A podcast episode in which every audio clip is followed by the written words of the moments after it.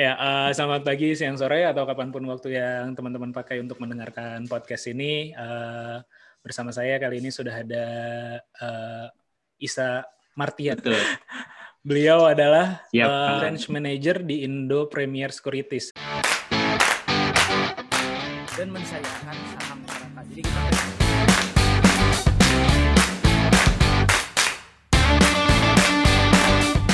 beda sama Jakarta kalau orang Bandung tuh eh, listrik investasiin buat sekolah anak. evolve into something new gitu. Kupu-kupu mungkin ke Eh, ayahku tuh satpam gitu kan di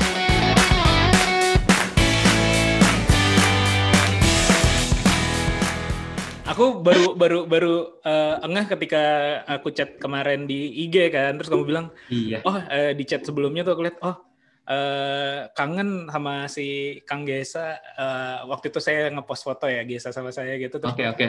pas bener, lagi bener. di eh, sekolah pengusaha muda, aku malah lupa kamu pernah ikut di sekolah pengusaha Iya. muda ya. Kalau nggak salah kan ada tiga ini ya, Tiga batch. tiga atau empat batch gitu ya. Saya batch Hmm. ketiga gitu ya, atau batch kedua lupa ya. Jadi mungkin Kang Panji lebih di belakang layar ya. Nah, kemarin kelihatan Kang Gesa sama Kang Randy. Oh iya iya betul betul. Pembicaranya Iya waktu itu. rutin Kang Randy sih. Iya betul benar luar biasa banget. Dulu juga eh, emang belajar di situ. Kebetulan ketemu sama ini eh, mantan pacar di situ. Mantan pacar Sekarang jadi istri. Oh jadi istri, alhamdulillah lah. Alhamdulillah, alhamdulillah. iya, terus kalau Iya. kalau kita sebenarnya aku sih kita follow-followan juga di Strava ya sebenarnya. Bener, bener, bener. Dan dirimu Iya. termasuk rajin banget aku lihat. Buset dia hampir hampir seminggu tiga empat kali ada kali ya lari ataupun sepeda ya. Sebenarnya mu- mulai dirutinkan sebenarnya tiap bu, eh, udah dulu udah mulai olahraga udah dari lama, cuman ngerasa aduh badan kok maksudnya naik turun terus eh, berat badan. Aku kan waktu zaman dulu sampai eh, 90 hampir 100 kilo terus diet bisa diet sampai turun 70 lagi tapi naik lagi. Jadi tiap tiap beres beres apa beres puasa beres diet terus beres olahraga eh, berhenti lagi naik lagi kayak gitu-gitu. Makanya eh, sebenarnya jadi capek sendiri. Cuman sekarang karena dinikmatin udah nggak mikir lagi berat badan berapa eh, akhirnya bisa konsisten kayak gitu. Makanya semua semua semua yang dilakuin kalau misalnya kitanya enjoy aja nggak terlalu nggak terlalu fokus Dikejar terlalu jadi untuk- beban ya Heeh. jadinya eh, outputnya juga jadi oke banget Iya, malah ketika kita nggak ngejar turunin badan malah turun gitu ya. Dengan- Iya. Olahraga nggak nggak jaga makan Eh, bebas oh, iya, iya, gitu iya. nggak harus gimana gimana juga malah enjoy lah apalagi pandemi mungkin ya pandemi Iya, iya, iya. pandemi sekarang Betul betul. ya udah deh jalanin aja ada waktu apalagi awal-awal kan WFH ya sekarang udah di kantor walaupun sebenarnya eh, di kantor di Jalan Sunda eh, Kang Panji eh, cuman masih tetap muka eh, masih belum boleh nih jadi kita masih tunggu dulu situasinya eh, lebih kondusif makanya jadi lebih banyakin webinar kayak gini Iya iya iya. iya. gitu jadi eh, ngatur pintar-pintar ngatur waktu mungkin ya sekarang udah we- udah, udah mulai kayaknya udah benar-benar new normal ya Iya iya iya. Ya balik lagi ke yang tadi Kang Panji. Kalau ini sebenarnya eh, saya di IPOT itu dari 2015 Eh, dari 2015 di IPOT sebelumnya sebenarnya setelah setelah eh, selama kuliah terus setelah kuliah itu eh, nggak kebayang gitu di pasar modal. Jadi kuliah pun nggak nggak apa nggak ngerasa oh ini pasar modal bakal jadi bakal jadi karir gitu ya. Jadi Hmm. eh, malah dulu pengennya bisnis makanya ikut sekolah pengusaha, muda dulu kan. Sekarang SPM juga gitu. Ngajar SPM tapi sekolah pasar, modal, kan. Pernah ikut kampanye belum? Eh, waktu itu saya sempat sih eh, waktu kayaknya waktu udah lama banget tapi ya waktu waktu udah yang kayak store seratus ribu tapi itu jadi saldo yang kayak gitu gitu lah betul, iya, betul, betul. Iya, iya. jadi kayak gitu gitulah Ah. ya dulu alergi dengan hitung-hitungan Kang Panji. Mm, mm, mm. jadi eh, alergi dengan hitung-hitungan oh, pengen jadi eh, apa pengen jadi entrepreneur gitu ngerasa oh ya nggak di kantor eh, nggak di kantor berarti bisa bebas ungkang-ungkang kaki. Ternyata setelah belajar belajar di SPM dulu sekolah pengusaha muda nggak apa-apa testimoni dulu ya. Nggak apa-apa ternyata saya finance yang paling penting ternyata cash flow itu paling penting gitu. Jadi ngerasa oh iya keuangan harus benar jadi jangan sampai kita dapat revenue tapi bocor-bocor juga. Saya ingat dulu percuma dapat berapa ratus miliar atau puluhan miliar tapi eh, pendapatannya tapi pendapatannya atau eh, profitnya cuma lima di bawah lima persen. Nah saya kebayang kayak gitu. Oh ya berarti harus eh, finance mau nggak mau mau siapa aja siapa aja yang eh, mau entah dia entrepreneur, apakah mau bekerja, bahkan untuk minimum kan kalau kita sekarang buat financial planning buat sendiri dulu kan, iya. buat perencanaan keluarga emak-emak aja kan, ternyata perlu ngatur keuangan Betul, gitu. betul betul Makanya disebut eh, kalau misalkan ibu rumah tangga tuh menteri keuangan gitu kan disebut seperti itu. Soalnya kuncinya di situ juga. Jadi Hmm. semua pasti berhubungan dengan eh, hitung-hitungan dengan angka Hmm. nggak bisa kita tampik. Makanya makanya karena jadi karma entah apa ya jadi malah ke pasar modal gitu. Iya, Di iya. pasar pasar modal sendiri banyak belajar gitu.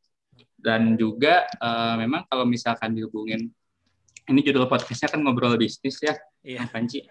Jadi eh, sebenarnya kalau saya juga banyak juga kan di luar sana yang mikir bahwa investasi itu main-main gitu, main saham gitu kan. Iya, iya. Lalu makanya di luar sana ada main eh, kesannya gitu kayak having fun aja gitu. Iya, pengen menyenangkan diri aja gitu dengan kata-kata main-main padahal iya, iya. sebenarnya ya sama aja bisnis-bisnis juga Iya, betul. trading ya istilah tradingnya mungkin lebih serius kalau Iya. istilah trading trading saham lebih serius karena beli jual dan beli gitu Iya. kita beli lalu di harga rendah lalu jual di harga tinggi kayak Hmm. gitu nah itu barulah belajar sebetulnya di pasar modal sambil bekerja Eh, dulu awalnya eh, saya juga masuk juga nggak tahu apa cuma marketing aja atau gimana ternyata semua dikerjakan gitu dari mulai marketing mulai dari manage eh, operasional di cabang juga seperti itu. Jadi sedikit sedikit lah. Kebetulan yang sebelum saya karena di cabang tuh memang kita lebih lebih ke perwakilan Kang Panji. Jadi semua back office sebenarnya dikerjakan di pusat. Jadi kita Hmm. relatif lebih ke perwakilan kayak misalkan ada kalau ada orang yang ingin belajar tentang investasi datangnya ke kita. Jadi ada namanya di kita di sini kalau disebut cabang juga mungkin ada ada macam-macam ya. Ada biasanya ada finance ada langsung GA ada apa. Dan kita tapi kita sebenarnya lebih simpel disebutnya lebih senangnya galeri. Jadi orang yang Hmm. pengen belajar kita bantu terus ada kendala eh, juga kita bantu juga gitu. Kalau dulu ya mungkin pas saya awal-awal masuk orang masih banyak datang untuk cara install aplikasi Iya. cara ngatur keuangan tuh kayak gimana cara kita menganalisis saham itu seperti apa eh, baik saham, saham yang bagus itu seperti apa lalu eh, gimana jualnya seperti itu sih intinya tapi nantinya biasanya eh, akan eh, sering berjalannya waktu investor kita sebutnya atau misalkan trader walaupun dalam istilah kita nasabah ya. Hmm.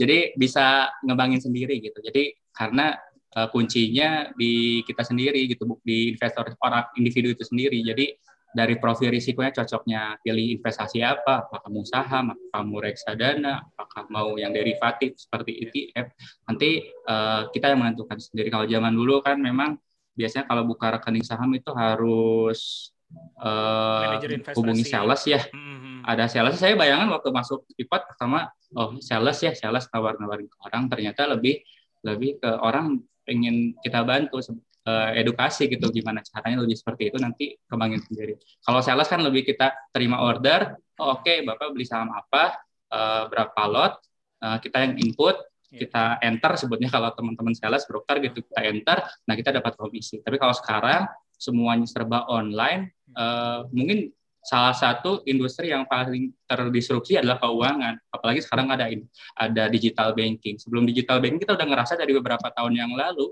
Jadi yang biasanya ke sales dapat komisi, nah sekarang mulai ke eh, udah bisa transaksi sendiri, ngeklik Hmm. sendiri, pilih saham sendiri, jual sendiri, dapat uang untung sendiri. Efeknya jadi pembukaan rekening lebih murah, lebih gampang juga, dan juga eh, biaya transaksi juga instan Iya, juga iya. seperti itu, Kang Panji. Eh IPOT itu eh, Indro Premier itu kan termasuk kalau aku yang ngelihatnya ya sekuritas yang besar lah gitu loh. Eh, yang eh, satu sih memang eh, yang mungkin ke arah digitalnya lebih cepat ya dibanding yang lain. Aku juga Iya. pakai Alhamdulillah ya istriku baru. sih istriku sih pakai pakai ininya apa namanya eh, aplikasinya ya kayak gitu-gitu dan itu memang Iya. mandiri aja tanpa perlu apa ya tanpa perlu eh, ya udah udah digital digitalnya udah udah bagus lah tanpa perlu kayak datang Iya. lagi ke mana harus harus ngisi Mm-mm. form yang kayak gimana gimana gitu itu udah cepet banget Betul. Eh, dan eh, kamu branch manager eh, di Bandung Bandung kantornya di mana kalau yang ini Eh, apa galeri ya Eh, galeri ya tadi ya? Galeri, iya. Ya kalau Tapi- sekarang sih kita lebih eh, berdamai dengan disebut cabang juga nggak masalah, nggak apa-apa. Jadi eh, mungkin orang kan kantor cabang gitu lebih enak gitu. Padahal kita eh, ini ya eh, karena mungkin personilnya nggak terlalu banyak. Saya ada tiga orang, ada saya, ada eh, Mas Rio. Nanti kalau misalkan datang ke sini, Kang Panji, ada eh, Pak Udin, udah bertiga aja gitu, sepi gitu. Tapi kita bisa bantu. Jadi semua kita handle. Ya karena memang itu betul lebih ke digital, eh, jadi nggak perlu lebih efisien ya. Jadi kita nggak perlu orang banyak-banyak, eh, lebih ke infrastruktur eh, information systemnya aja, teknologi informasi seperti itu. Kita dari 2000 eh, sebelum saya masuk ya udah lama, dari 2007 salah satu sekuritas yang memang eh, punya online trading system gitu. Jadi eh, udah lama banget gitu. Dan yang lain-lainnya mungkin baru lima tahun kemudian atau sampai 10 tahun bahkan sekarang masih ada yang eh, masih manual gitu masih manual saya kira ada 100 eh, tapi sekarang mungkin yang online itu hitungan 20 sampai 30 sekuritas gitu. Bahkan sekarang kan udah ada di, betul eh, Pak Haji bilang eh, ketika kita registrasi udah full online aja gitu Iya. nggak perlu datang karena bankingnya udah. Jadi kuncinya sebenarnya di bank dulu. Iya iya. Selama banknya belum digital iya. kita nggak bisa tuh buka rekening aja karena pada saat buka rekening itu kita Koneksi. dibuatkan itu iya jadi kita eh, terkoneksi ada namanya rekening dana nasabah. Ah, jadi nggak Indo Premier eh, atau perusahaan sekuritas kan sebutnya kan eh, perusahaan sekuritas itu anggota bursa. Jadi anggota bursa efek Indonesia eh, diawasi ya sama eh, membernya bursa efek dan juga OJK juga sebenarnya perusahaan legal gitu. Gitu sih ngebedainnya kalau misalkan kita kan nyari oh perusahaan keuangan yang legal apa ya OJK OJK dulu kuncinya. Kalau Iya. di bawahnya apalagi apakah banking apa pegadaian ataupun asuransi nah itu baru perbedaannya gitu-gitu nah bankingnya udah digital udah bisa buka rekening eh, dari handphone nggak perlu datang tanda tangan basah.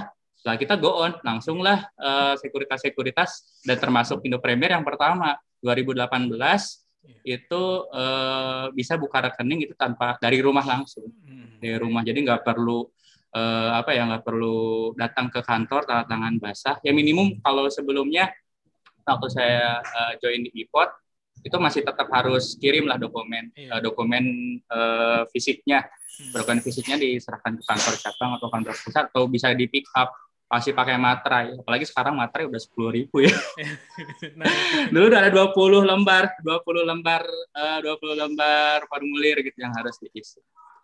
Hmm. tapi sekarang sih udah namanya istilah bursanya simplifikasi pembukaan rekening oke gitu. Nah, berarti eh, galerinya atau kantor cabangnya itu eh, fungsinya relatif hanya untuk kantor representatif dan juga kalau ada training-training eh, sebelum pandemi di Edukasi. situ ya berarti ya kayak gitu ya. betul betul Oh, iya iya iya iya. mungkin tahu ya Kang Evan ya Iya iya iya tahu tahu. Satu tim juga sebelum Iya satu tim ya sebelum dia ke New Zealand waktu itu.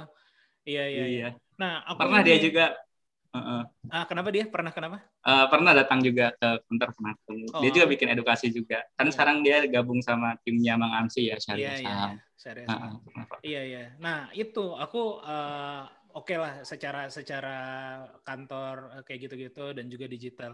Eh, Hmm. Cuman aku tertarik ini sih. Pertama adalah aku lu aku nggak tahu ya momennya kapan ya. Pokoknya mungkin dua tahun terakhir ini kalau aku ngerasanya ya. Eh, aku Oke. dulu udah nyoba-nyoba, bukan nyoba-nyoba, ntar pakai istilah main eh, ini lagi. Kurang oke. masalah, nggak apa-apa kan eh, belajar juga eh, kita kan kenal namanya SD eh, sebelum SD ada TK taman, Taman kanak-kanak ya. eh, bermain kan Taman nggak bermain, nggak mau disebut belajar ya nggak masalah nggak apa-apa. Enggak, Jadi apa- apa- untuk pengenalan. Tapi jangan main-main terus gitu takutnya. Enggak, aku aku dulu dulu Having dulu fun tuh lah. dulu dulu Hmm. eh, pokoknya sebelum kayaknya sekitar 2015 juga lah ya. Sekitar 2015 juga itu eh, buka rekening kayak gitu kan. Oke. Nah, eh, tapi eh, biasa-biasa aja gitu loh. Maksudnya bukan sesuatu yang kayak keren atau kayak apa ya? Kayak dirayakan banget lah gitu. Nah, kalau kalau zaman sekarang aku ngelihatnya kayak dua tahun terakhir tuh kayak jadi hype gitu. Kayak Oke. eh, apa ya? Eh, trading, baik itu trading ataupun gue invest di mana itu udah jadi kayak hal yang keren. Terus juga Oke. kayak makin banyak gitu. Nah itu bener nggak Mhm. sih? Terus apa sebabnya ya? Kenapa tiba-tiba kok kayaknya di mana-mana? Oh, gue portofolio Oh. gue gini. Terus banyak tiba-tiba ahli-ahli Ah. di Instagram yang nge-share nge-share apa kayak begitu-gitu. Nah itu itu apa tuh sebabnya tuh? Kalau kamu kan berarti Iya. udah dari 2015 ya mungkin udah ngeliat tren itu ya, yang tadinya Iya, biasa betul. landai tiba-tiba langsung cepet banget gitu. Iya, jadi fenomena eh, sekarang kan di, di post di sosmed sebenarnya flexing juga kan istilahnya. Dulu kalau dulu flexing ya cuman punya barang, punya mungkin bisa liburan ke mana-mana gitu ya. Iya. Eh, itu dipamerin. Nah, mungkin ini kalau ini eh, pendapat pribadi saya aja ya, entah Hmm. benar atau enggak. Kalau dulu kan yang buka rekening itu eh, deposit minimumnya tuh mahal ya. Hmm. Dulu kan ada yang 25 juta, 50 juta, 100 juta. Biasanya yang punya eh, dana seperti itu ya udah nggak udah nggak sembarangan lagi gitu, udah serius, udah tahu eh, uangnya mau dicemplungin ke situ. Ya kalau lihat dari dari eh, profil dari investornya gitu ya, berarti kan usia tiga di atas 30 sampai di atas 30 tahun lah, atau 40 Hmm. tahun yang udah mapan. Yang biasanya nggak Hmm. posting gitu, nggak posting ke Iya, iya. sosmed. Jadi eh, ya mungkin banyak sebenarnya dari dulu investor banyak gitu teman. Sekarang karena dengan pembukaan rekening itu udah bisa 100 ribu, Iya. punya saham satu lot. Misalnya kita kalau misalkan SPM gitu, Kang Panji. Jadi kita kalau misalkan SPM jelasin, wah kalau kita punya saham bisa dipamerin ke calon mertua Hmm. gitu. Jadi pamer. Saya ya kerjanya apa nak? Kerjanya investor saham saya pak. Oh investor saham apa? Saya pemilik. Bapak tahu Telkom, bapak tahu Indosat, bapak tahu Unilever. Itu pemiliknya saya. Nah itu kan mulailah bibit-bibit seperti itu. Itu sebenarnya kalau secara es positif sebenarnya nggak masalah, nggak apa-apa. Kak. Iya, iya. Cuman da- eh, mulai lama kelamaan ya sekarang kan udah mulai kan dari tahun 2017 aja udah ada mahar saham gitu pernikahan mahar saham Eh, di situ udah mulai. Kan berarti kan dengan sebenarnya orang yang nggak ngerti dengan istilah eh, ya udah mahar saham Telkom satu lot. Satu lot kita nggak eh, orang-orang yang awam nggak tahu satu lot itu berapa. Sa- karena kalau misalkan yang udah tahu ya mis satu lot 100 lembar Telkom 300 ribu eh, satu lotnya kayak gitu. Karena namanya saham gitu kan kutip oh perusahaan nah itu mulailah. Jadi istilahnya oh ngerasa keren gitu. Mulailah dipamer-pamerkan seperti itu Iya, iya. nah biasanya ketika ketika untung dipamer-pamerkan tapi kalau rugi biasanya diam-diam tuh biasanya diam-diam jadi ada juga fenomenanya gitu jadi pada saat eh, pamer dia lihat tuh percentage dari satu saham misalkan untung 50 Iya. Nah, untung 50%, yang untungnya yang ruginya 30% tapi ada lima saham, kan untung cuma satu tuh, Iya. nggak dikasih lihat. Nah, itulah. Nah, makanya jadi bisa jadi eh, malah jadi bumerang juga gitu. Iya. Tergantung kita menyikapi. Pasti kalau ketika kita posting ke sosmed sesuatu kan eh, sudut pandang tiap orang itu beda-beda, literasi Iya. keuangan juga beda-beda. Ada yang memang join memang ingin cepat kaya gitu. Oh, 50%. Oke, saya injek 100 juta. Padahal yang postingnya cuma paling mungkin nggak sebida- nggak sampai satu juta gitu. Hmm. Nah, pas dimasukkan nggak sesuai dengan kenyataan. Jadi pengennya kita generasinya mungkin disebut betul ya generasi micin tuh gitu ya. Pengen instan gitu segala ya. sesuatu. Hmm. Pengennya instan gitu, pengen cepat kaya. Nah, itu sebetulnya kita eh, ketika investor itu tumbuh banyak gitu ya, jadi mulai banyak gitu ya, itu berarti eh, sinyal positif untuk untuk kita juga sebagai eh, pelaku pasar modal. Oh, berarti eh, orang udah mulai melek investasi, orang sudah mulai saham gitu ya. Tinggal kita ini aja eh, tingkatin kualitasnya. Kita tingkatin kualitas investor atau trader itu seperti apa ya dengan edukasi edukasi. Ya, edukasi edukasinya untuk biar makin pintar, biar nggak eh, lihat sosmed itu ya nggak langsung termakan gitu. Oh iya ini untungnya berapa? Jadi kita masih bisa bertanya. Sama kita pilih perusahaan juga kayak gitu. Hmm. Lihat perusahaan yang kelihatannya seksi dalam tanda kutip gitu. Hmm. Bagus nih perusahaannya untung terus gitu ya. Atau misalkan dia dapat eh, dapat net profitnya tinggi nih eh, tahun 2000 2018 misalkan seperti itu. Nah, profitnya tinggi. Nah, kalau misalkan yang baru belajar mungkin oh lihat udah karena naiknya signifikan perusahaannya misalkan satu perusahaan misalkan contohnya perusahaan telekomunikasi. Eh, 2018 itu naik signifikan gitu. Eh, keuntungannya, profitnya. Kita baru belajar mungkin namanya analisis fundamental. Kita lihat laporan keuangannya oke banget. Nah, tapi dia putusan beli saham tersebut. Tapi kenapa sahamnya turun ya? Harga sahamnya turun. Seperti itu. Eh, ternyata oh dia lupa bandingkan dengan periode-periode sebelumnya gitu. Jadi profitnya mungkin cuma satu dengan 2018 dengan 2017 aja, nggak bandingin lima tahun, nggak eh, tim time serial ya kita namanya secara secara uh, horizontal gitu bandingin lebih banyak data lebih bagus gitu dan juga kita tahu kenapa sih si perusahaan itu bisa profit signifikan pada tahun tersebut? Oh ternyata pada tahun 2017 ada penjualan aset. Tower-towernya dijual masuklah profit di situ. Nah gitu. Jadi kalau misalkan dengan investor yang baru ya banyak uh, wajar. Dijebak kalau lihat lihat cuan orang lain tiba-tiba cuan. Untung orang lain gede padahal nggak ada yang diposting. Uh, yang diposting cuma pas untungnya aja, yang ruginya nggak diposting. Jadi kita uh, ini istilahnya kalau di uh, financial behavior ya bias. Jadi kita bias gitu menganggap sesuatu yang untung itu atau kita ngelihat orang gitu kadang-kadang hebat banget gitu ya.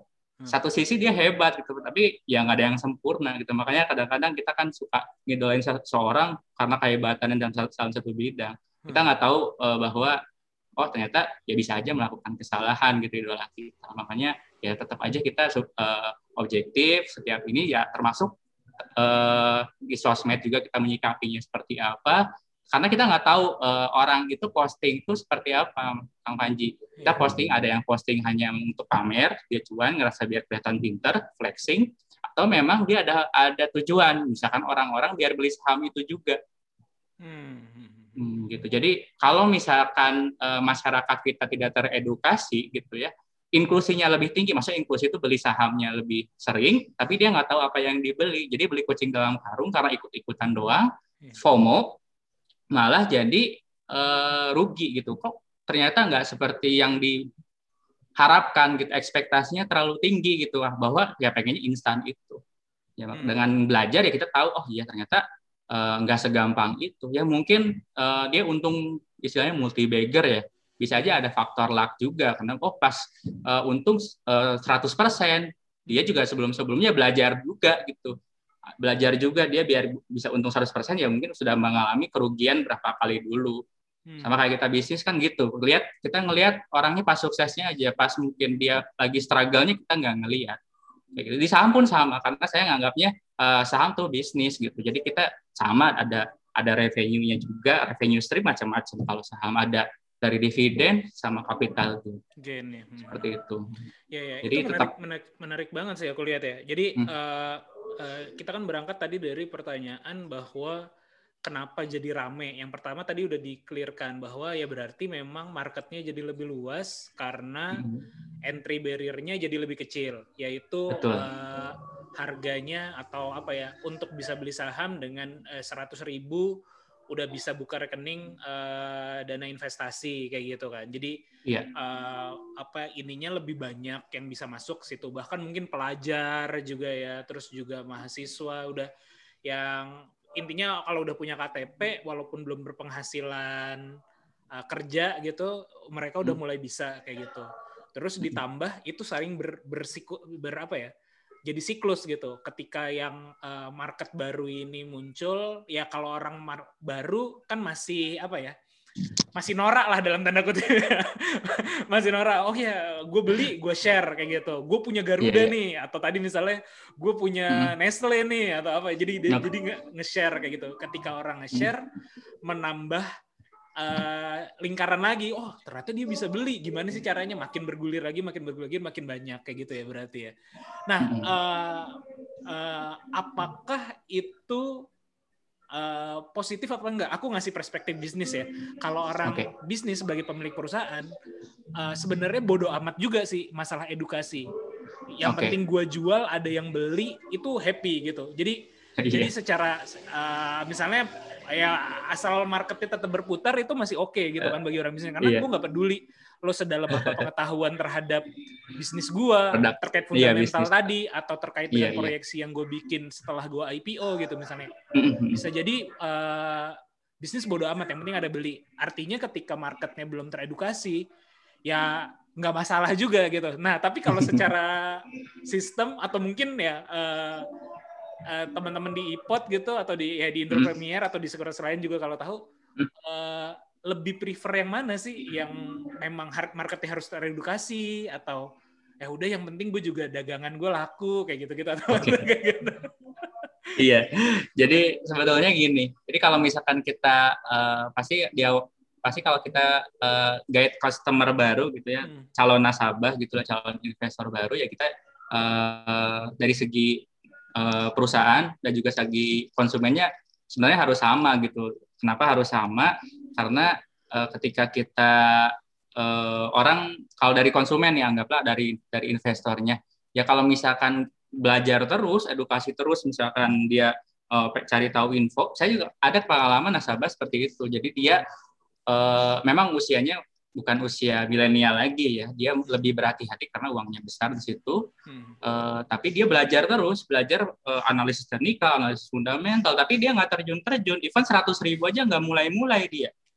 Ada yang sama seperti ada yang sampai seperti itu. Jadi hmm. uh, sampai tahun depan dia datang gitu tetap sama gitu. Udah mulai belum gitu. Saya masih takut dan apa. Mungkin berarti kan uh, sebenarnya itu hmm. yang jadikan saya bukan saya nggak bisa nyalahin gitu ke orang tersebut. Karena eh, investasi itu pilihan gitu. Tiap orang belum tentu gitu belum tentu nyaman beli saham seratus ribu mungkin bagi dia nggak cocok. Jadi trading atau investing itu buka, uh, di saham bukan buat semua orang. Kenapa? Karena ada yang misalkan seratus ribu aja udah deg-degan udah misalkan nggak bisa tidur ada yang seperti itu. Hmm. tapi di sisi lain ya kita uh, juga uh, perlu juga investasi itu antara iya atau enggak gitu. Iya atau enggak berarti uh, udah mulai dari 17 tahun kita punya KTP aja itu udah bisa investasi. Kita bisa nyisihin uh, dana misalkan dari uang saku kita yang biasanya buat beli ngopi ngopi-ngopi cantik itu kan sekarang beli boba boba aja hampir lima puluh ribu sekarang kan ya. Uh, boba lima puluh ribu anggaplah seminggu sekali. Bahkan ada sebenarnya seminggu sampai dua kali. Kalau misalkan kita simpan misalkan seratus ribu aja tiap bulan kita nyicil saham. Bisa gitu nggak uh, jadi nggak harus uh, sophisticated dalam tanda kutip harus paham semuanya.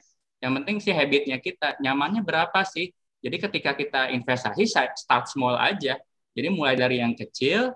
Jadi investasi bukan hanya iya atau enggak, iya iya iya tuh karena bisa seratus ribu. Kalau enggak ya nggak mulai-mulai gitu. Jadi hmm. antara satu dan nol itu uh, yes or no itu sebenarnya tipis. Jadi kalau misalkan satu seratus ribu aja, uh, bisa lanjut lagi ke step berikutnya. Tapi kalau misalkan nol nggak mulai-mulai ya nggak akan lanjut ke step selanjutnya. Kalau pandangan saya sebagai dari produsen ya dari segi perusahaan gitu ya, ya biar nggak apa-apa invest dulu biar coba dulu nyamannya gimana. Jadi biar ada jalurnya masing-masing. Ada yang jadi trader, ada yang jalurnya uh, jadi investor. Hmm. Dengan coba-coba ya nggak apa-apa gitu ya. Jadi betul kalau misalkan yang penting jadi nasabah jadi ya bisa menghasilkan dulu nggak peduli sama edukasinya nggak apa-apa. Nah itu tapi uh, nantinya jadi ke depannya kita maintain uh, investor itu seperti apa sih? Jadi kita investor biar sustain di pasar modal biar survive juga gimana? Ini fenomenanya sama seperti pada saat pandemi kemarin. Hmm. yang saya perhatiin ketika pandemi kan orang banyak oh iya jadi ada WFA pada nggak bisa ke mana-mana mungkin ada uang sisa sedikit masuk ke trading saham ternyata untung besar gitu ya. Hmm. bahkan kemarin kan ada satu saham uh, perbankan syariah dia kan mau merger. Yeah. mungkin Kang Panji tahu ya. Yeah, yeah. jadi merger jadi bank syariah yang besar gitu bank syariah uh, yang uh, eh, BUMN kan BUMN jadi besar. Harganya dulu harganya 130 sekarang harganya sempat nyentuh sampai 3.700 yeah, di atas 3.000 uh, hmm. saat di atas 3.000 nah itu orang mulai FOMO di situ. Ketika mulai ketika tidak trade ketika tidak teredukasi dengan orang main masuk gitu berani ikut-ikutan orang tanpa pengetahuan bahkan ada yang tahu beli saham itu nggak tahu berita mergernya. Hmm. ada seperti itu. Karena ikut teman katanya beli saham ini pasti untung. Hmm. temannya yang ikut duluan jadi ya dia belajar. Nah temannya ikut dulu belajar eh, sedangkan yang ikut-ikutan ya udah masa bodoh aja. Yang penting teman gue untung gue pengen ikut. Gue hmm. pengen ikut ya buka akun sendiri sebetulnya Hmm. Buka akun sendiri, ya dia ikut uh, bahkan tapi harganya sudah terlalu tinggi. Harganya sampai ke 3.500an dia. Dia masuk 3.500 hmm. nah pada saat 3.500 itu turun harganya sampai 2.000 iya, iya. yang akhirnya dia uh, masukin dana besar uh, mungkin momennya udah harganya terlalu tinggi ya harga terlalu tinggi ikut ikutan jadi malah uh, rugi rugi besar juga. Seperti iya, itu. nah itulah uh, efek dari ter tidak teredukasi dan efeknya apa kerasa di transaksi kita pada saat saham rally semua orang ngerasa jadi expert. Jadi banyak tuh bermunculan ahli-ahli gitu ya. Hmm. Jadi bukan hanya yang pamer tapi uh, yang merasa Edukasi, kompeten gitu. Iya, iya jadi uh, sebenarnya itu ya bahkan ada yang berkata uh, ketika banyak yang jadi ahli gitu dalam satu bidang gitu ya, banyak bermunculan ahli gitu ya, berarti itu udah tandanya uh, market akan bearish. Dan kebuktian hmm. Pada saat Januari kemarin. Yeah saham uh, sentimennya sudah mereda gitu saham-sahamnya turun. Dan itu ke transaksi juga berasa. Jadi yang bisa uh, kapoknya banyak orang yang kapok. Nah itu efek dari ya memang ikut-ikutan uh, karena kita nggak bisa nyalahin juga kan namanya sifat manusia pasti uh, emosi lebih emosi itu lebih uh, bermain di situ. iya, cenderung. cenderung cenderung bermain karena memang ngerasa oh ini mudah. Easy game gitu. Easy uh, jadi dia uh, masuk ternyata uh, di bursa memang kalau misalkan teman istilah yang istilah saya, teman saya uh, jadi sebenarnya kalau misalkan benar-benar bisa survive di bursa tuh sebenarnya kalau misalkan lebih lebih dari tiga tahun jadi udah uh, minimum ngerasain mini krisis lah iya, iya. jadi pasti ada tuh market tuh nggak akan naik terus nggak akan naik terus gitu nggak akan rally terus dari tahun ke tahun bahkan tapi uh, kalau misalkan kita tarik jangka panjang ya sebenarnya tetap naik gitu. hmm. jadi yang mindset uh, seperti itulah apakah Investor, ya. orang yang mindsetnya jangka panjang hmm. ya ngelihat market dari bursa uh, bahkan bursa efek Indonesia uh, merupakan uh, bursa yang paling tinggi kenaikan kenaikannya gitu dibandingkan negara-negara lain gitu jadi ya, ya, ya. Uh, itulah yang jadi kalau udah tahu mindset itu ya udah invest jangan trading gitu jangka panjang tapi kalau misalkan pengen dapat pendapatan sampingan punya bisnis punya kerjaan punya karir gitu uh, ingin dapat penghasilan tambahan dari trading ya silahkan. Iya, ya, ya. Tapi iya, kalau misalkan uh, apa pengen lebih tingginya dari banyak juga yang tradingnya lebih lebih tinggi dibandingkan dengan gajinya mungkin ya ada yang seperti itu. Tapi uh, tapi kan kalau trading sama kayak bisnis entrepreneur gitu. Kita nggak bisa nggak uh, ada yang bikin cash flow misalkan tiap tanggal tertentu dapat gaji sustain. Kalau trading ya jangan seperti itu. Kita hmm. setahun bisa positif aja itu udah oke okay banget sebenarnya. Hmm. Iya, iya iya betul. Aku aku ngelihat ini sih uh, apa ya? Memang ya tadi benar juga ya uh, yes or no-nya itu memang penting gitu. Jadi hmm. ya udah mulai dan lalu setelah itu edukasi apa belajar gitu ya. Jadi jangan sekedar ikut-ikutan itu yang ngeri. Uh, soalnya aku ngelihat bahkan kemarin tuh ada juga yang sempat Uh, kan aku juga pernah ngobrol sama Evan ya di podcast ini. Nah sempat ada yang nanya tapi belum belum aku respon juga sih dia tuh ini apa namanya levelnya bahkan sekarang tuh ini uh, tadi ya kayak mahasiswa kayak gitu mahasiswa oke okay. jadi uh, dalam tanda kutip menyimpankan uh, bukan menyimpan ya menginvestasikan uang kuliahnya atau uang jajannya hanya untuk nambah margin apa ya margin kayak 50 ribu buat beli boba tambahan kayak gitu jadi iya, jadi iya. itu uh, kalau kita ngomongin investasi, ini kan ada dua hal ya. Jadi kalau kita ngomongin hmm. investasi kan based on selalu tujuan kan. Nah kalau dia tujuannya memang uh, benar-benar jangka pendek kan duit panas banget tuh duit kuliah atau duit apa dan tujuannya hanya untuk beli boba gitu perputarannya berarti jadi biar biar ini gitu itu itu oh oke okay apa enggak kalau menurut menurut kamu tuh iya gitu. iya jadi sebenarnya uh, tujuannya memang harus tujuannya udah benar sebenarnya pendapatan nggak apa-apa buat pendapatan nggak masa cuman ya. source of income-nya eh source, of modalnya gitu modalnya yang ya. salah hmm. nah, kuncinya uh, investasi atau misalkan trading bukan berarti banyak-banyakan modal uang lebih gede lebih untung hmm. uh, walaupun secara nominal ya betul kalau misalkan modalnya satu miliar satu persennya berapa kayak gitu. hmm. gitu atau misalkan beda satu juta satu persennya pasti beda gitu betul, betul. Uh, tapi ini berkaca dari pengalaman banyak orang eh, bahkan ya teman saya juga ada seperti itu jadi hmm. uang kuliah semesteran bulan depan eh, yang harus dibayarkan dibayarkan minggu depan lah anggaplah ya iya. uang semesteran anggaplah 5 juta hmm. mungkin sekarang standar lah kecil lah misalnya 5 juta atau 10 juta sekarang uang yeah. semesteran nah 10 juta nah lumayan nih dapat pendapatan tambahan eh, misalkan jadi bisa bisa beli boba bisa seratus ribu dua ribu itu dapat tuh. Iya, iya. itu kan eh, skenario nya optimis. Ah, ya, Skenario positif. ya skenario nya kalau untung.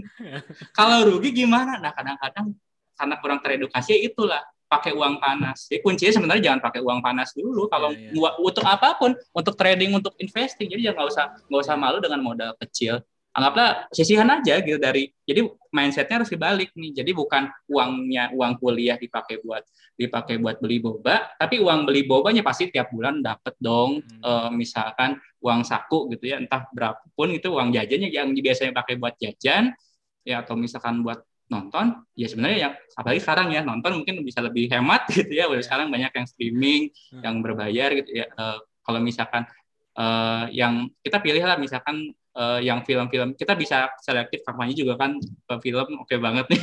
Ah, maksudnya bisa kalau misalkan nonton kecuali memang sudah ada budgetnya budgetnya untuk nonton berapa gitu ya. Nah kalau misalkan dirasa untuk budget buat nonton itu buat, buat mahasiswa terlalu banyak gitu ya bisa kita eh, asal nontonnya seming- eh, seminggu sekali jadi eh, sebulan sekali nah uang itu baru dimasukkan ke invest atau trading iya. Gak apa buat belajar aja karena bayangannya gini kita pas pada saat yang penting kuliahnya selesai dulu Iya, jadi iya. jangan sampai kita cuti kuliah gara-gara gara-gara ini uang Duitnya uang hilang. panas Hmm. uang panas ini bilang ke orang tuanya gimana kan kan waktu zaman-zaman saya juga pasti ada tuh teman kuliah kayak gitu uang kuliah dipakai buat apa bisnis MLM dan sebagainya tapi nggak balik gitu pada saat itu jadi malah jadi cuti gitu maka kan banyak saya kalau ada yang nanya seperti itu ya arahinnya gini aja. Nggak apa-apa yang eh, jangan jangan seperti itu jangan pakai uang panas.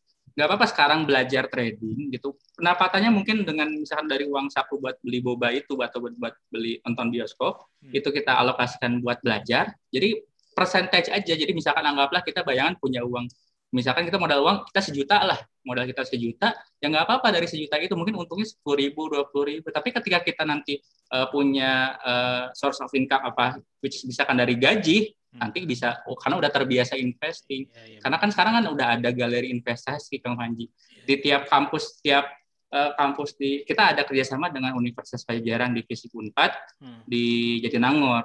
Hmm. Nah, kalau kita tujuan untuk punya galeri investasi di situ kerjasama dengan Bursa Efek dan juga sekuritas dengan IPOT gitu, bukan tujuannya untuk dia dap- kita dapat eh, komisi dari situ, bisa dapat penghasilan dari mahasiswa mahasiswanya.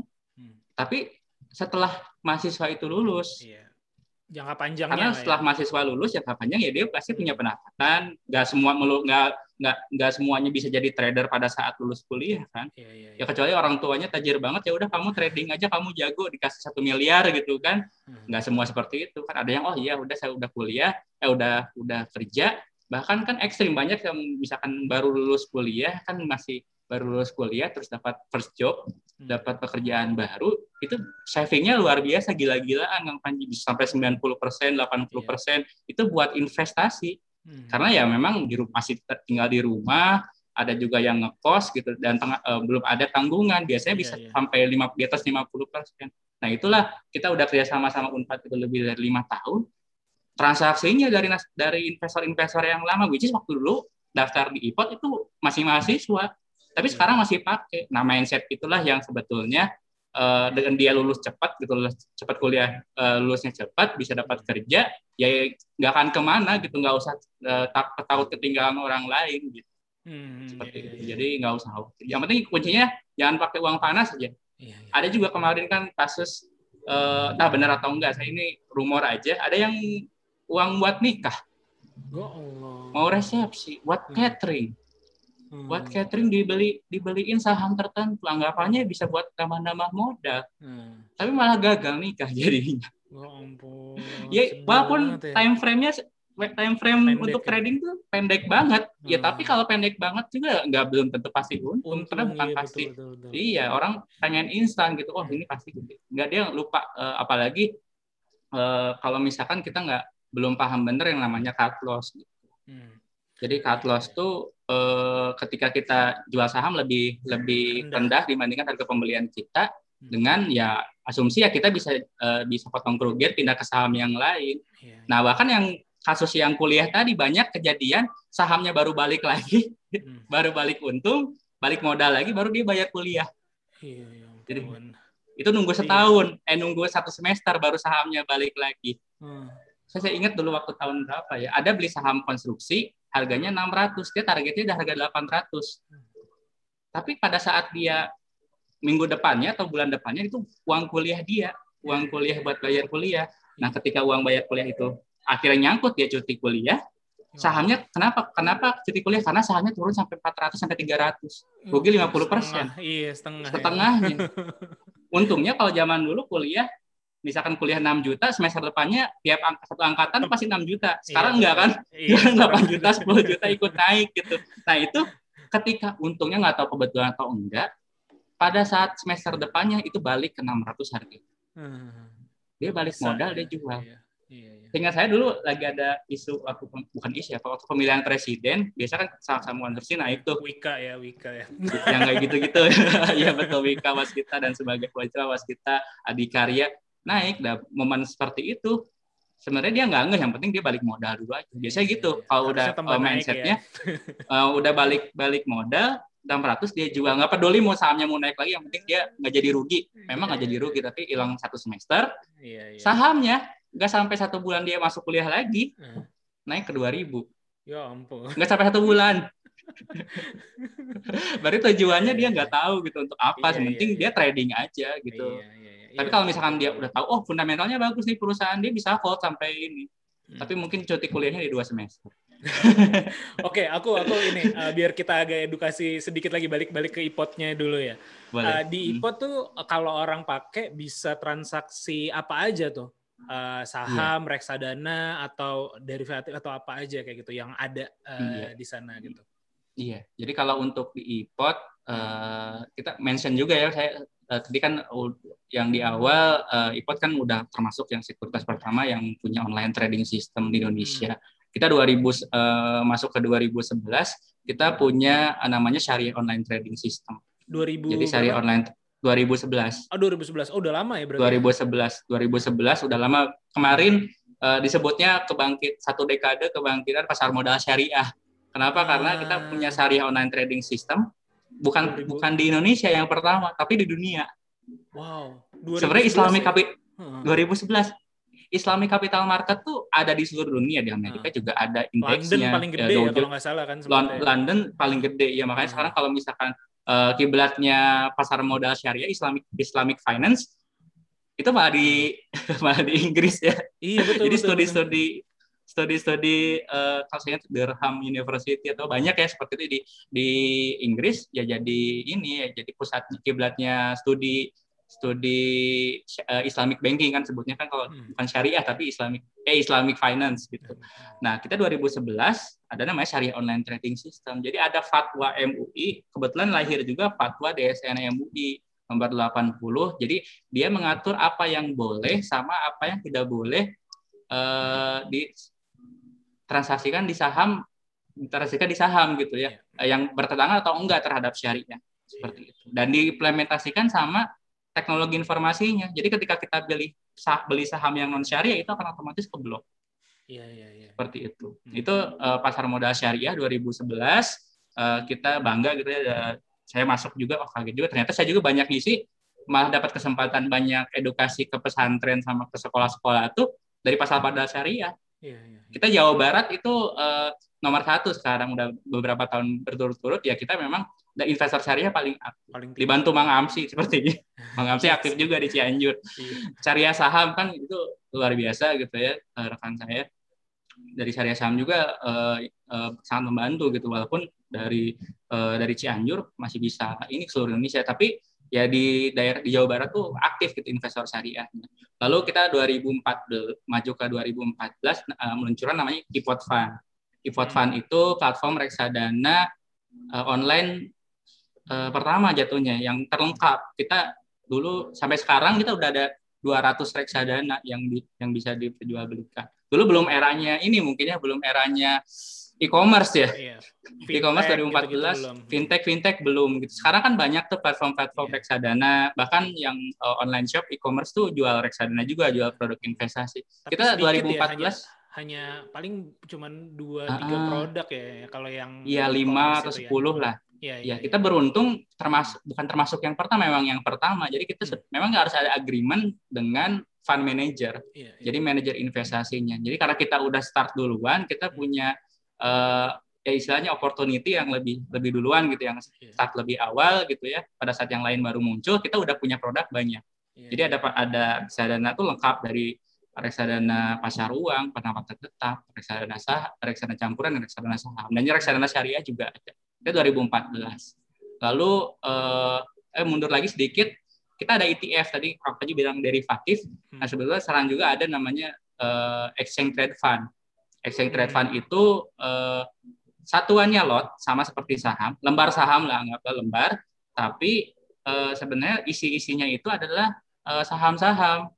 Jadi contohnya ada namanya eh, kita kenal kalau selain IHSI ada ada namanya LQ45 indeks eh, 45 saham yang paling liquid. Hmm. Nah, si ETF itu manajer investasinya dimasukkan masukkan membeli saham-saham tersebut. Hmm. Jadi membeli saham LQ45 tapi eh, itu underlying-nya gitu. Jadi dalamnya seperti itu. Jadi kita tinggal beli paketnya aja. beli paket ya Kalau misalkan ilustrasinya seperti ini, kalau misalkan Kayak kita reksadana kan ya. suka ada, iya kayak reksadana. Tapi kalau reksadana kan kita nggak tahu. eh, biasanya ada namanya Saham. prospektus. Hmm. Ah, prospektus di dalamnya saham, tapi cuman kan ketentuan reksadana hanya 10% kan. Maksimum di satu instrumen saham A, B, ABCD gitu ya, cuman satu gitu. Nah, kalau boleh boleh yang lain ada obligasi, ada apa gitu. Nah, tapi kita nggak tahu keseluruhan isinya apa itu istilah racikan dapur masing-masing ya. Kita ke restoran nanya ini ingredientsnya 100% apa nggak bisa. Kita paling di menu ingredientsnya cuman di menu cuman misalkan grilled fish apa apa apa baru bahan-bahan utamanya aja Hmm. cara masaknya kan nggak dikasih tahu nah itu reksadana kan seperti itu jadi tiap manajer investasi punya punya apa ya punya racikan sendiri lah ibaratnya dan itu biasanya kasihnya ke fund fact sheet aja tiap bulan. Tapi kalau ETF kita bisa lihat eh, komposisinya tiap hari berapa. Kayak gitu. Jadi kalau misalkan kita anggaplah eh, kalau misalkan beli saham pengen beli saham Unilever pengen beli saham Telkom pengen beli saham Indosat pengen beli saham eh, misalkan Waskita Karya Astra kan kalau beli satu lot satu lot satu lot nggak ini ya jatuhnya mahal kan Unilever harganya berapa? Unilever harganya 8.000 berarti 800.000 kita nyiapin. Lalu kita harus nyiapin juga eh, Astra misalkan 6.000 berarti 600.000 jadi nggak- bisa satu juta kurang. Tapi dengan ETF ya kita dapat paket-paket. Sama kalau kita beli paket eh, biasanya skincare ya ada ada value pack nah kayak gitu tuh ada value pack yang murah-murah kita coba dulu cocok nggak ke kulit kita? Takutnya kan nggak cocok kalau nggak cocok kan percuma dong beli yang misalkan 200 mili yang besar-besar Iya. beli yang kecil-kecil dulu aja. Nah kayak gitu itu konsepnya ETF seperti itu. ETF ya itu mulai dari 2007 2007 itu mulai ada ETF Indo Premier juga terma- bukan termasuk Indo Premier yang pertama yang meluncurkan di Indonesia. Ya sekarang udah ada sekitar 30 30 ETF juga. Jadi buat sebenarnya apakah ETF itu mungkin boleh kesannya kata derivatif Iya. Kesannya em, susah gitu padahal sebenarnya lebih mudah juga Iya, gitu iya. Ya, emang derivatif itu turunan dari saham dan reksadana Hmm. eh, tapi untuk memudahkan juga jadi kita tugas kita juga dari Indo Premier untuk menjelaskan eh, kepada masyarakat bahwa ETF juga bisa sih untuk instrumen investasi yang mudah gitu nggak usah pusing-pusing karena udah satu paket-paket itu Hmm. Eh, Ya, berarti baru itu ya. kita ada saham Ah, reksadana ETF pasar modal syariah juga ya syariah yang khusus ya. ya. iya ada obligasi korporasi juga ada Hmm. Jadi obligasi korporasi misalkan eh, perusahaan misalkan Astra ngeluarin obligasi gitu kita juga bisa. Sempat juga kita ada beberapa yang obligasi pemerintah juga. Cuman kalau obligasi pemerintah kan produknya bukan dari bursa ya, produknya dari Kementerian Keuangan, ORI gitu Sun kayak Ah. gitu-gitu. Dan sekarang itu bisa dari satu aplikasi itu, dari satu Iya, dari aplikasi, satu dari aplikasi. satu aplikasi. Itu pun Ah, kalau jadi- registrasinya sekarang eh, tadi ya udah dibilang juga nggak perlu datang ke lokasi, tinggal install dan nanti ngikutin prosedur yang ada di situ aja ya step-stepnya ya. Iya. Iya, jadi kita sudah in person verification. Jadi ketika kita registrasi cukup siapkan cukup siapkan KTP, lalu kalau misalkan ada NPWP eh, lampirin nomornya aja. Hmm. Lalu yang yang mandatori itu sebenarnya dua. Eh, yang pertama KTP, Hmm. yang kedua itu adalah eh, nomor rekening bank atas nama sendiri. Hmm. Kenapa nomor rekening bank atas nama sendiri itu penting? Karena ketika kita setor, sebenarnya setor boleh dari rekening mana aja. Iya. Tapi untuk penarikan minimum ada satu ya rekening yang memang harus buat penarikan dana. Karena si RDN yang tadi disebutkan di awal itu nggak ada uh, buku tabungannya, nggak ada ATM-nya. Tapi kelebihannya juga walaupun nggak ada buku tabungan nggak ada ATM, uh, eh, tapi dia nggak ada admin bulanan. Iya. Jadi ini buat yang seratus ribu kan lucu juga gitu ya seratus ribu dia nabung saham seratus ribu tapi kepotong dua puluh ribu buat admin kan lumayan. Iya, iya. Makanya uh, ini nggak ada admin ya. Tapi tetap ada uh, ada penarikan dana untuk penarikan pribadi. Kita 2000, 2017 ada inovasi lagi sebenarnya namanya iPod Pay. iPod Pay ini hmm enggak uh, ini mirip-mirip ya ada platform lain untuk e-wallet gitu ya jadi bisa yeah. transfer ke rekening mana mana pun itu nggak kena admin yeah, yeah, yeah. nah ini nggak bisa transfer misalkan dari kan kalau misalkan uh, tempat lain ya di tempat lain tuh biasanya transfernya ya cuma ke rekening pribadi aja yang didaftarkan kalau kita bisa transfer ke mana pun kelebihannya nggak kena limit jadi boleh berapapun di atas 100 juta atau berapa ini buat yang bisnis juga oke okay banget nih yeah, yeah. ketika kita mau transfer ke supplier atau ke vendor nggak hmm. uh, usah nunggu besok itu kan. Kita kan RTGS LLG report ya. Kita hmm. langsung aja transfer akan masuk pada itu dan nggak ada limit. Pertama yang kedua nggak ada admin.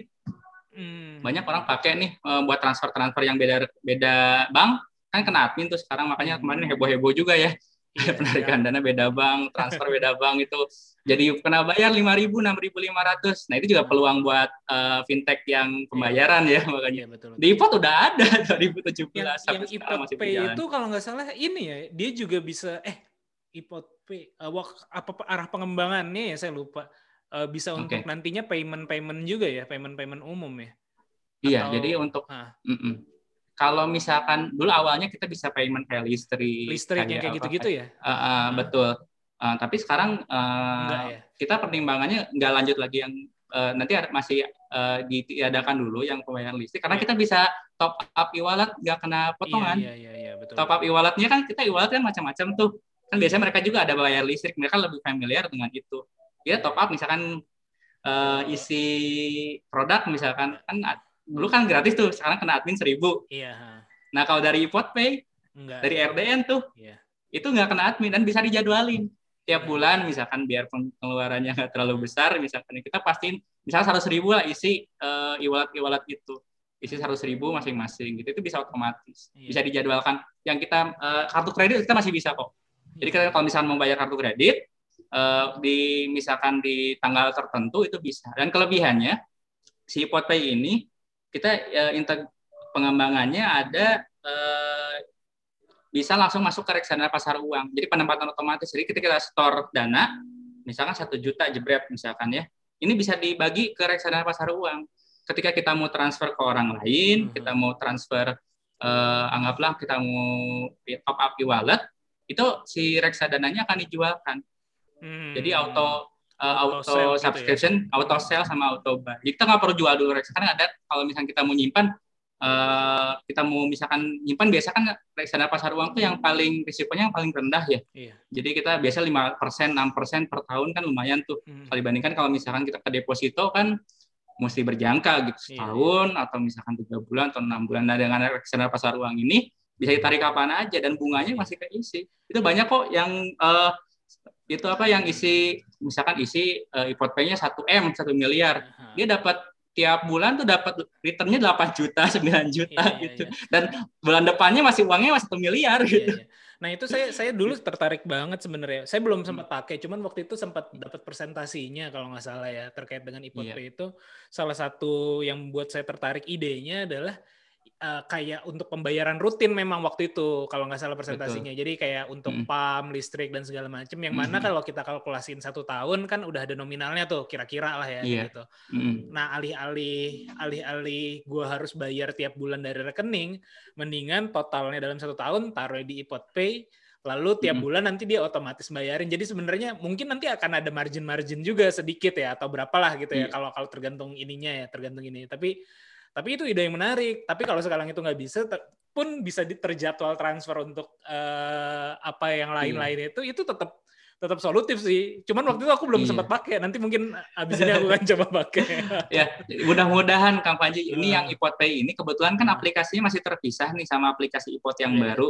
Ini kalau aplikasi Ipot yang baru uh. uh, itu uh, iPod Pay-nya belum masuk fiturnya. Belum jadi masuk, kita nah. masih uh, jadi masih dulu kita masih kebanyakan aplikasi, ada iPod Go, ada iPod Pay, ada iPod News per- uh, aplikasi tersendiri tersendiri. Hmm. Nah, itu bikin orang repot juga gitu kalau Iya, mau beli saham masuk aplikasi A, kalau misalnya mau beli reksadana iPod Fund, dulu aplikasi terpisah, tapi sekarang udah masuk, tapi memang konsekuensinya karena kita fiturnya dimasukkan bertahap, ya biar orang juga uh, aware juga kita nggak masukin semua dulu. Jadi kita Hmm. uh, sambil dikembangin masukin fitur-fitur baru juga di situ. Iya iya.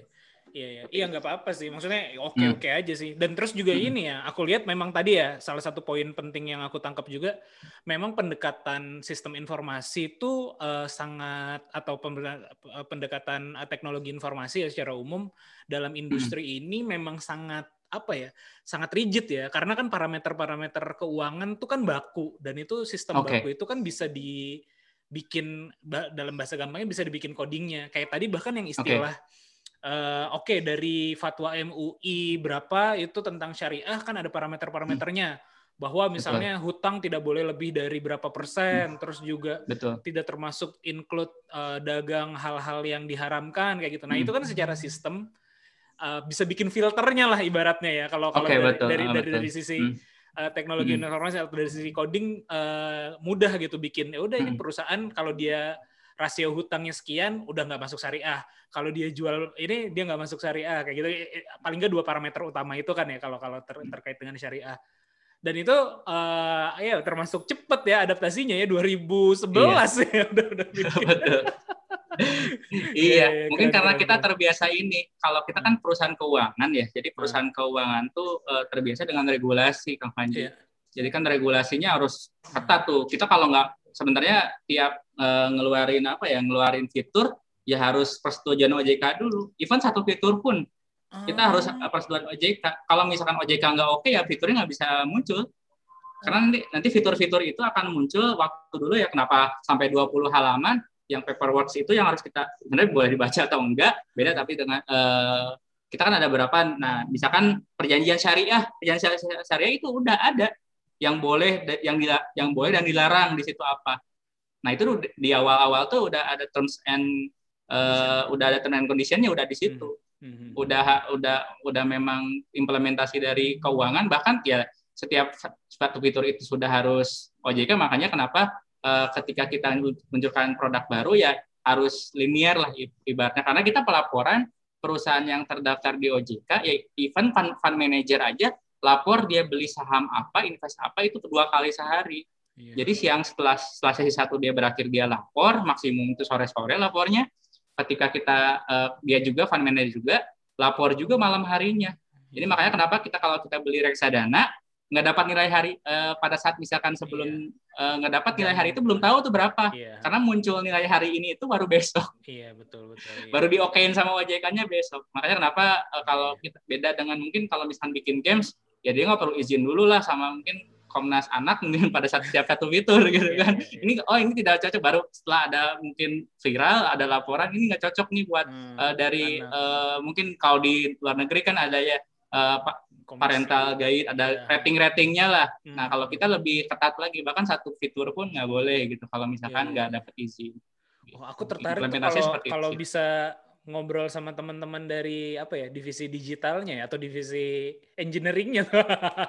iya kebetulan kita in house in house Iya, iya, nih iya. eh, Kang Panji. Jadi Ah. saya juga sebenarnya nggak nggak hafal siapa aja orang-orangnya Ah, gitu iya, ya. iya, iya. Eh, kita kebetulan memang eh, kenapa kita fiturnya lumayan banyak karena kita kerjain sendiri rata-rata. Iya, Jadi iya, semua iya. semua makanya eh, tiap sekuritas tuh biasanya ada yang beda tuh ada yang generik ada yang ada yang in- ada yang tailor gitu ya ada Iya, yang iya, khusus iya. gitu. Nah, kita kebetulan yang mungkin beda dengan yang lain. Maka kita bisa nambahin fitur eh, dalam hitungan waktu relatif lebih cepat gitu dan lebih Iya. banyak. Ta- karena kita nambahin fitur juga pastinya kan eh, resource dari server kita juga harus oke juga. Iya. percuma kita nambahin fitur banyak tapi eh, nggak capable nasabah makin banyak. Nah itu tantangannya di situ ya Iya. kita ke infrastruktur yang investnya lebih banyak di situ Iya. Kang Manji jadi Iya, betul. kalau bisa eh, ini asumsi saya aja gitu ya, mewakili mungkin dari eh, teman-teman yang IT ya kita juga bukan berarti aplikasinya eh, sempurna gitu nggak lag atau apa kita juga ada kelemahan-kelemahan yang kita uh, perbaiki terus menerus iya wajar sih wajar mungkin ya ini terakhir nih kang uh, sebagai branch manager ya atau atau ya pokoknya udah bermain lama di uh, pot dan pasar saham baru-baru lah ya. Gimana caranya biar cuan biar cuan tujuannya gitu sebenarnya kan pertanyaannya gini cuan tuh ya kalau misalnya jawab simpel ya pasti jual sahamnya pada saat hijau lalu jangan jangan pas merah gitu. Hmm. Nah, itu mindset orang-orang yang simpel gitu ya. Tapi itu malah jadi jebakan gitu. Ketika kita uh, emang kalau misalnya bilang ya cuan ya kalau kita jual barang ya bisnis mana pun kalau kita jual rugi ya pasti uh, bocuan gitu nggak jadi cuan uh, jadi malah rugi. Nah, gimana sih uh, pertanyaannya sebenarnya tiga kalau di invest di saham terutama yang trading ya. Uh, yang pertama beli saham apa satu ya investasi apa ataupun instrumen apa yang kedua kapan belinya ini simpel ya hmm. yang ke yang ketiga kapan jualnya itu kan semua orang pasti pengen pengen begitu ya bisa bisa momentumnya pas gitu ya hmm. sahamnya lagi kebut lagi bagus gitu oke uh, lalu misalkan uh, waktunya Timing. pas waktunya tepat gitu ya lalu hmm. timingnya juga uh, momentum jualnya juga tepat nah itulah yang jadi persoalan. Nah, yang jadi persoalan ini uh, cuman dijawab sama misalkan yang minimum teman-teman misalkan buat yang uh, dengerin uh, baru belajar ya bisa pelajari dulu namanya analisis uh, fundamental sama analisis teknikal gitu. Jadi hmm. analisis fundamental itu menentukan saham apa yang saham apa yang layak untuk kita beli. Karena jangan beli kucing dalam karung gitu. Nah, ketika kita tahu Eh, kita tahu sahamnya apa yang kita beli, oh ini perusahaannya oke okay, gitu, ini punya potensi misalkan seminggu ke depan, dua minggu ke depan, sebulan ke depan, atau bahkan jangka panjang, ini oke, okay, baru kita kita beli. Nah, momentumnya ya bisa pakai analisis teknikal. Entry-nya kita kapan? Entry-nya kapan, itu exit-nya kapan. Karena dari analisis fundamental sama analisis teknikal ini, itu nggak ada yang pasti 100%. Hmm. Jadi kalau boleh dibilang 70% aja pro, trader profesional itu udah hebat banget. Hmm. Jadi kalau misalkan kita uh, sepertikan uh, lempar koin, lempar koin kan 50-50 ya, gambling ya atau lempar dadu, ya ada dapat kepala, ada dapat ekor. Hmm. Nah, kita belajar analisis teknikal sama fundamental itu buat naikin hmm. dari yang asalnya 50-50, 50-50 ya kita buy sell buy sell sama kita, kita nggak tahu apa-apa, ngawur aja. Karena di pasar modal juga disebutnya mungkin kalau misalkan ada yang bilang juga oh judi intelek disebutnya gitu ya. Hmm.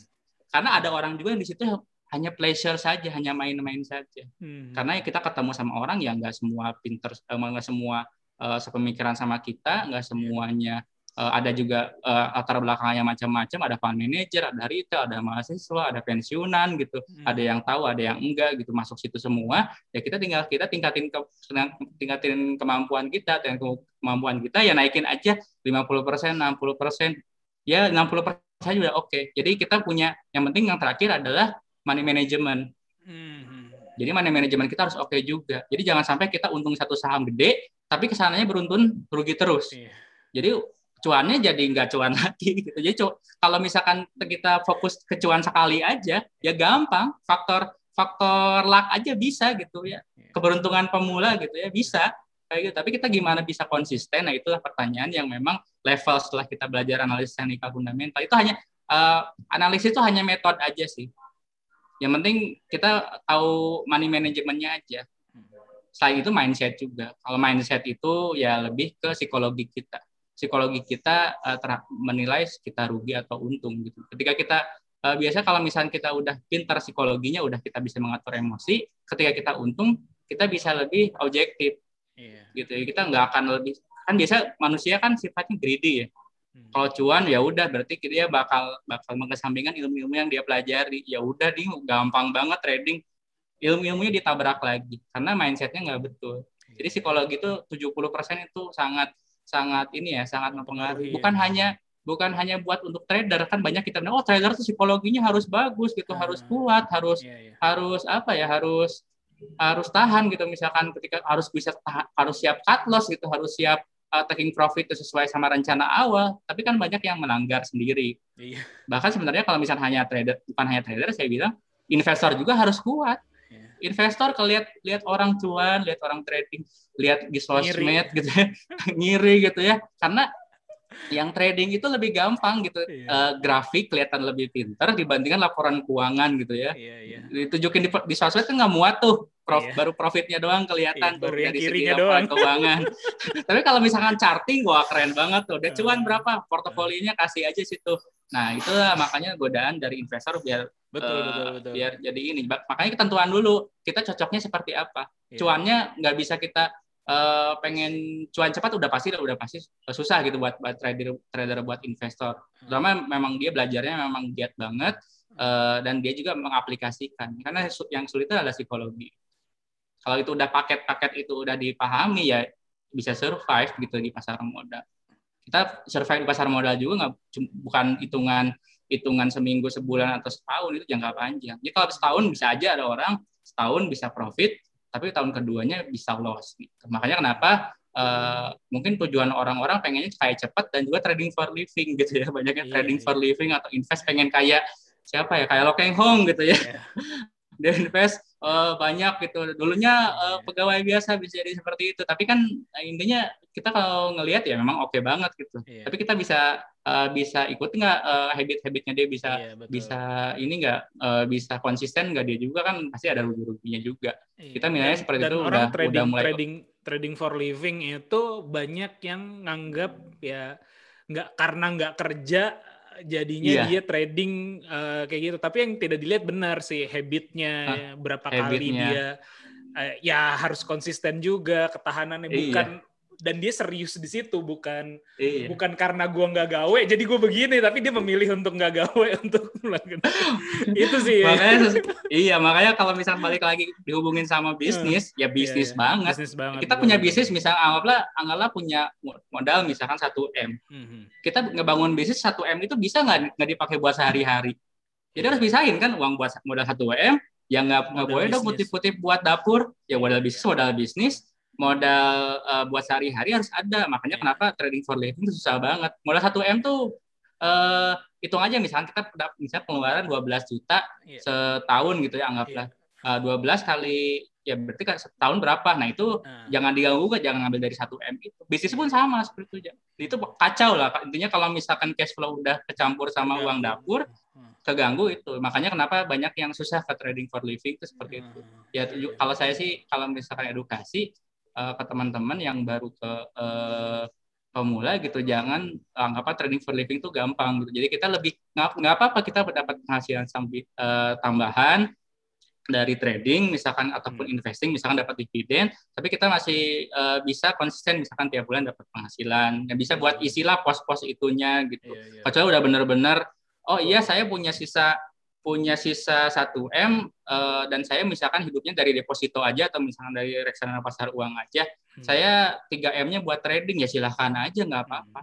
Hmm. Ada yang seperti itu. Jadi itulah intinya kita uh, pinter menempatkan, ngelihat orang cuan itu jangan terlalu uh, misalkan nganggap itu mudah gitu ya kita, tapi tetap ke level itu bukan hal yang bukan hal yang tidak mungkin gitu ya. Jadi penghasilan yang luar biasa dari saham itu uh, masih bisa gitu masih bisa karena memang yang mempraktekkan uh, mempraktekkan itu banyak tapi ingat uh, saham investasi bukan buat semua orang gitu.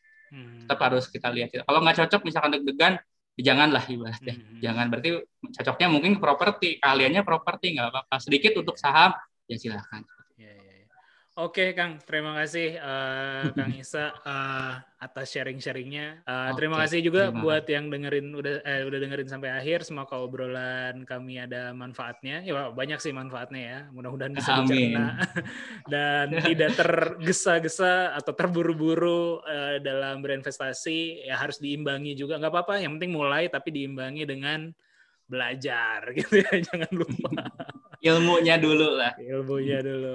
Oke, terima kasih. Sampai ketemu di podcast ngobrol bisnis berikutnya. Bye.